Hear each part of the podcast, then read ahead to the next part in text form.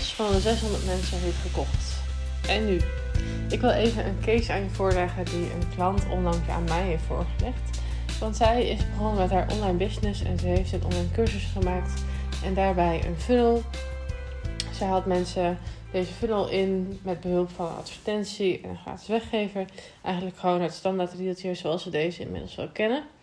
En nu heeft ze het dus voor elkaar gekregen om zo'n 600 mensen door haar funnel heen te sturen. En daar zijn nu zes verkopen uitgekomen. En eerlijk gezegd zat ze een beetje met haar handen in het haar. Want ze vond het niet zo heel erg veel op basis van 600 mensen. En ze zag dat ze verlies ging draaien op haar advertenties. In de eerste weken ging dit nog heel erg goed. En toen draaide ze een hele mooie winst op haar advertenties. En inmiddels zijn we een paar weken verder, zijn de verkopen wat teruggelopen en uh, begint ze verlies te draaien. Dat ze zoiets heeft van ja, en nu? Nou, het eerste wat ik tegen haar zei was: je hoeft je geen zorgen te maken. Want 6 op 600 mensen is 1%. En dat is eigenlijk heel erg netjes. Want wat veel mensen niet weten is dat je uit de eerste funnel ongeveer 1 tot 3% conversie haalt. Dus dat is 1 op de 100 mensen die koopt. Of maximaal 3 op de 100 mensen die koopt.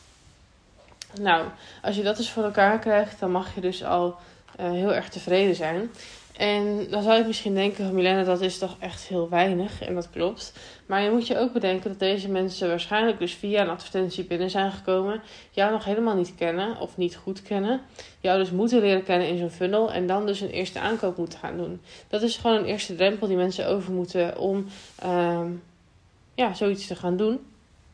Dus wat je hierbij ook in je achterhoofd moet houden, is dat dit ook gewoon een vorm is van massa is kassa.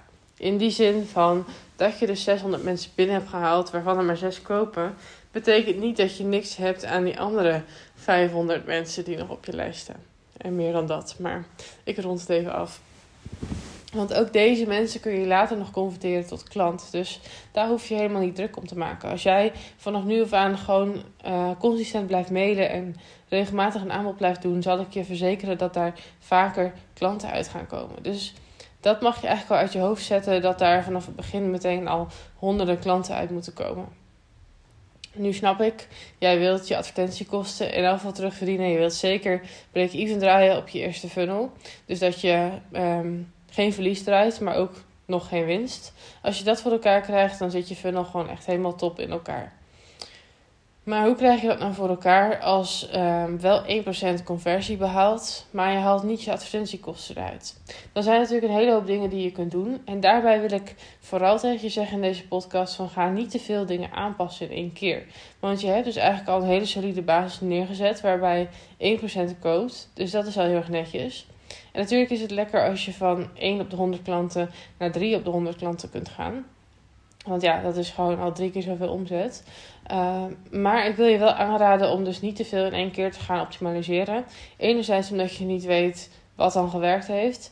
En anderzijds omdat je ook aan de verkeerde dingen kunt gaan sleutelen. Waardoor je straks nog weer onder die 1% conversie kan komen te zitten. En dat wil je natuurlijk al helemaal niet. Dus je gaat stapje voor stapje dingen aanpassen. En dat kunnen echt een hele hoop dingen zijn. Waarvan ik eigenlijk nog niet heel diep in kan gaan in deze podcast. Omdat het gewoon zo... Um, ja, zo afhankelijk is van jou, um, hoe zou ik het zeggen? Ja, van jouw funnel en hoe die eruit ziet en jouw doelgroep, hoe die reageert. En uh, ja, het is gewoon echt heel persoonsgebonden wat je dan zou moeten aanpassen. Wel kan ik je meegeven dat je um, het beste kan kijken naar waar nu de slechtste cijfers te zien zijn.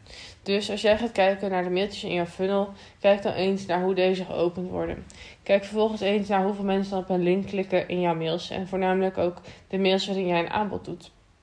Kijk vervolgens naar hoeveel mensen klikken er dan precies door naar mijn verkooppagina en hoeveel mensen kopen op dat punt. Dus als jij ziet dat er best wel wat mensen doorklikken naar jouw verkooppagina, maar mensen kopen niet, ja, dan mag je misschien wat dingen gaan wijzigen op je verkooppagina. Maar het kan ook zijn dat je in je mail een andere belofte doet dan dat dat terugkomt op jouw verkooppagina. Dus het is ook goed om die twee dingen bijvoorbeeld eens naast elkaar te leggen en te kijken of het wel overeenkomt. En zo uh, kun je dus bijvoorbeeld op je verkooppagina wat dingen aanpassen. Uh, misschien meer buttons toevoegen, misschien een video toevoegen. In eerste instantie gewoon nog hele kleine dingen. Dus een aantal woordjes aanpassen, een kleurtje aanpassen, um, een titel aanpassen, een video toevoegen, Ehm, ja, misschien nog een extra stukje schrijven over wie het specifiek is. Of uh, dat je het resultaat nog meer naar voren laat komen. Of het probleem nog meer aanstipt. Maar dat je in ieder geval niet te veel dingen gaat aanpassen. Het liefste pas je één ding per keer aan, zodat je kan zien wat er um, ja, voor verbetering heeft gezorgd. Dus dat je bijvoorbeeld begint met een video toevoegen en eens kijkt hoe dat dan de, de komende week verloopt. En dat je dan daarna kijkt van heeft zo'n video nou nut gehad of niet. Hetzelfde geldt voor als jij een mail gaat aanpassen. Pas dan in eerste instantie gewoon één titel aan en kijk dan hoe dit voor je werkt. Ook als je dus een mail aanpast, dan ga je niet meteen de hele mail herschrijven, maar in eerste instantie gewoon één alinea.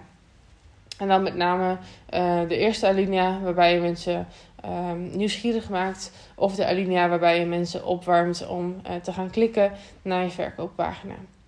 Wat ook kan zijn, is dat je opbouw bijvoorbeeld niet logisch is in een funnel. Naar mijn mening is het het beste om in eerste instantie een aantal waardemails te sturen, waarin je dus geen aanbod doet. En dan ongeveer vier mails te sturen in drie dagen waarbij je wel een aanbod doet. Als jij dat nog niet op die manier hebt ingericht, zou het slim kunnen zijn om die opbouw eens aan te passen. En te zien hoe dat voor je werkt. Nou ja, wat ik zei, uh, dit vraagt gewoon om een persoonlijk advies. Dus ik kan hier een heleboel tips geven uh, waar jij wellicht helemaal niks aan hebt. Dus ik wil ook niet te diep ingaan op al deze concrete tips. Maar wat nog wel ook slim kan zijn, is dat je eens kijkt naar de allerlaatste mail die je stuurt. Um, kijk eens naar wat voor mail dit is. Vaak werkt het goed om als allerlaatste mail eens een hele korte mail te sturen. Met nog heel kort een keer de aanbieding en dat de korting of de aanbieding verloopt dan zul je zien dat mensen wel de tijd nemen om zo'n hele korte mail te lezen. Terwijl ze dus misschien niet de tijd nemen om een hele lange mail te lezen. Daarmee wil ik niet zeggen dat je korte mails moet sturen. Want ik ben juist groot voorstander van lange mails. Waarbij je dus goed kunt opbouwen van het verhaal. Um, van het probleem naar de oplossing, naar het resultaat, naar jouw aanbieding. Dus ik ben zeker voorstander van lange mails. Maar het kan wel heel goed werken om als laatste mail juist een hele korte mail te gebruiken. Omdat je dan maar heel korte tijd vraagt van iemand. En um, als mensen nog niet jouw aanbieding hebben gezien, is de kans groot dat ze dat in die mail dus nog wel eens gaan bekijken. En als allerlaatste tip in deze podcast wil ik je nog meegeven dat je eens gaat kijken naar of jij voldoende urgentie hebt ingebouwd in je aanbodmails. Benoem je bijvoorbeeld heel concreet wanneer de aanbieding verloopt. En dan dus niet alleen vandaag, maar vandaag om 12 uur bij wijze van. Um, dat je bijvoorbeeld concreet benoemt hoeveel procent korting je geeft. Of de van voorprijs. Dat je heel concreet benoemt dat je een aantal bonus hebt toegevoegd dat je heel concreet benoemt waarom mensen nu in actie moeten komen. Dat zijn allemaal hele simpele dingen die net die urgentiefactor verhogen, waardoor mensen dus sneller in actie komen. Want als jij alleen benoemt van vandaag verloopt de actie of binnenkort verloopt de actie, dan weet ik niet precies wanneer. Dus dan voel ik ook niet per se die tijdsdruk. Hetzelfde geldt voor als jij een aantal plekken hebt. Dan kun je zeggen van um, ik heb nog een paar plekjes. En dat kan urgent voelen als jij eerst nog 20 plekken had. Maar dat voelt niet urgent als jij eerst vijf plekken had. Want dat zijn ook in principe een paar plekjes. Ja, als je het letterlijk neemt zijn er twee plekjes. Maar dan is het dus vaak slimmer om te zeggen van ik heb nog twee plekken. Of ik heb nog één plek. Dus claim jij die allerlaatste plek. Dat, dat roept pas de, urgentie op. Hetzelfde geldt voor zinnetjes als... Um, je kan vandaag... Um, Nee, een betere zin is: uh, claim jij de allerlaatste plek. En dan bijvoorbeeld een, zinnetje eronder in de trant van: als de pagina nog niet op de wachtlijst staat, dan ben je nog op tijd. Dan trigger je mensen om te kijken of de wachtlijst al op de pagina staat. Ook dat is een vorm van urgentie en druk verhogen om door te klikken. En nee, dat zijn geen trucjes, maar het zijn wel dingen om mensen concreet bewust te maken van wil je iets ja of nee. En dus ook heel concreet te zijn in wanneer een aanbieding dus verloopt. Want jij kan denken, nou vandaag is toch duidelijk. Maar ja, ik voel geen druk als het vandaag is. Want het kan vandaag over 10 minuten zijn. Maar het kan ook vandaag om 12 uur zijn. En misschien kan ik morgen ook nog wel instappen, weet je wel. Dus dat moet je mensen gewoon heel erg duidelijk maken. En ja, duidelijk zijn is eigenlijk in alle gevallen key. Dat je gewoon heel duidelijk het resultaat kan neerzetten. Dat je kan weergeven wat dan het resultaat van het resultaat is. Dus dat je niet alleen zegt van je valt 10 kilo af, maar wat is dan ook het resultaat van die 10 kilo afvallen? Je voelt je misschien meer zelfverzekerd, je zit lekker in je vel, je voelt je aantrekkelijk. Nou, ik noem maar zo even een aantal dingen. En zo kun jij dat ook voor jouw eigen resultaten bekijken. Heel veel mensen zijn geneigd om alleen maar heel concreet op te schrijven. Ehm, na het volgen van deze cursus ben jij in staat om ehm, deze kennis toe te passen. Ja, wat levert mij dat dan op? Ik bedoel, ik kom hier niet om kennis toe te passen of om te weten hoe ik moet afvallen of om te weten hoe ik iets moet aanpakken. Ja, in de basis is dat wel wat ik wil leren, maar het gaat nog meer om het achterliggende gevoel. Dus zorg ook dat je dat heel concreet kan benoemen.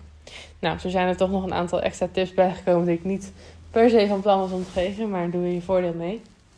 Maar weet dus dat als jij je funnel gaat optimaliseren en je zit nu bijvoorbeeld op 1% conversie, dat je dus niet druk hoeft te maken om die cijfers, dat het slecht is. En dat je dus niet te veel moet willen aanpassen in één keer. Zie het dus als een positief iets. Dat je dus ook nog aan al die andere mensen in de toekomst kan gaan verkopen. Dus dat jouw kansen nog niet verkeken zijn. En dat het dus geen slecht teken is als mensen nu niet direct kopen. Um, maar dat je er dus wel naar mag streven dat die cijfers nog een keer drie gaan. Want dat is ook gewoon mogelijk. Maar dat als je daarvoor gaat werken, dat je dus niet te veel aanpast in één keer. En dat je dus wel in de gaten houdt hoe jouw kosten zijn in vergelijking met de opbrengsten. Want uiteindelijk wil je daar wel gewoon winst gaan draaien natuurlijk. Dus dat is belangrijk om in je achterhoofd te houden. En ook zeker goed naar te blijven kijken. Maar raak niet in paniek als je eventjes verlies eruit. Dat mag gewoon. En dat mag ook eventueel zelfs zo blijven als jij dat op een lange termijn goed kan maken met bijvoorbeeld een duurder traject. Dan is dat echt helemaal geen probleem. Want stel, um, je hebt nu voor nou, ik zeg maar wat, voor 100 euro geadverteerd en je hebt 50 euro terugverdiend. Maar als jij straks dan een traject gaat verkopen van 1000 euro, ja, dan uh, maakt het jou niet meer uit dat je 100 euro hebt uitgegeven aan die advertenties, zeg maar. Dus hou dat ook in je achterhoofd. Maar wat vooral het belangrijkste is in deze podcast, is dat je dus niet te veel gaat aanpassen. Pas het liefst één ding tegelijk aan en kijk dan weer hoe dat voor je werkt. Mocht je nou persoonlijk advies willen op jouw funnel, omdat deze nog niet goed genoeg werkt, of omdat jij ook jouw conversie wil verhogen, stuur me gerust een mailtje op info.wolfsandrebels.nl en dan denk ik graag met je mee. Nou, voor nu een hele fijne dag en tot in de volgende podcast.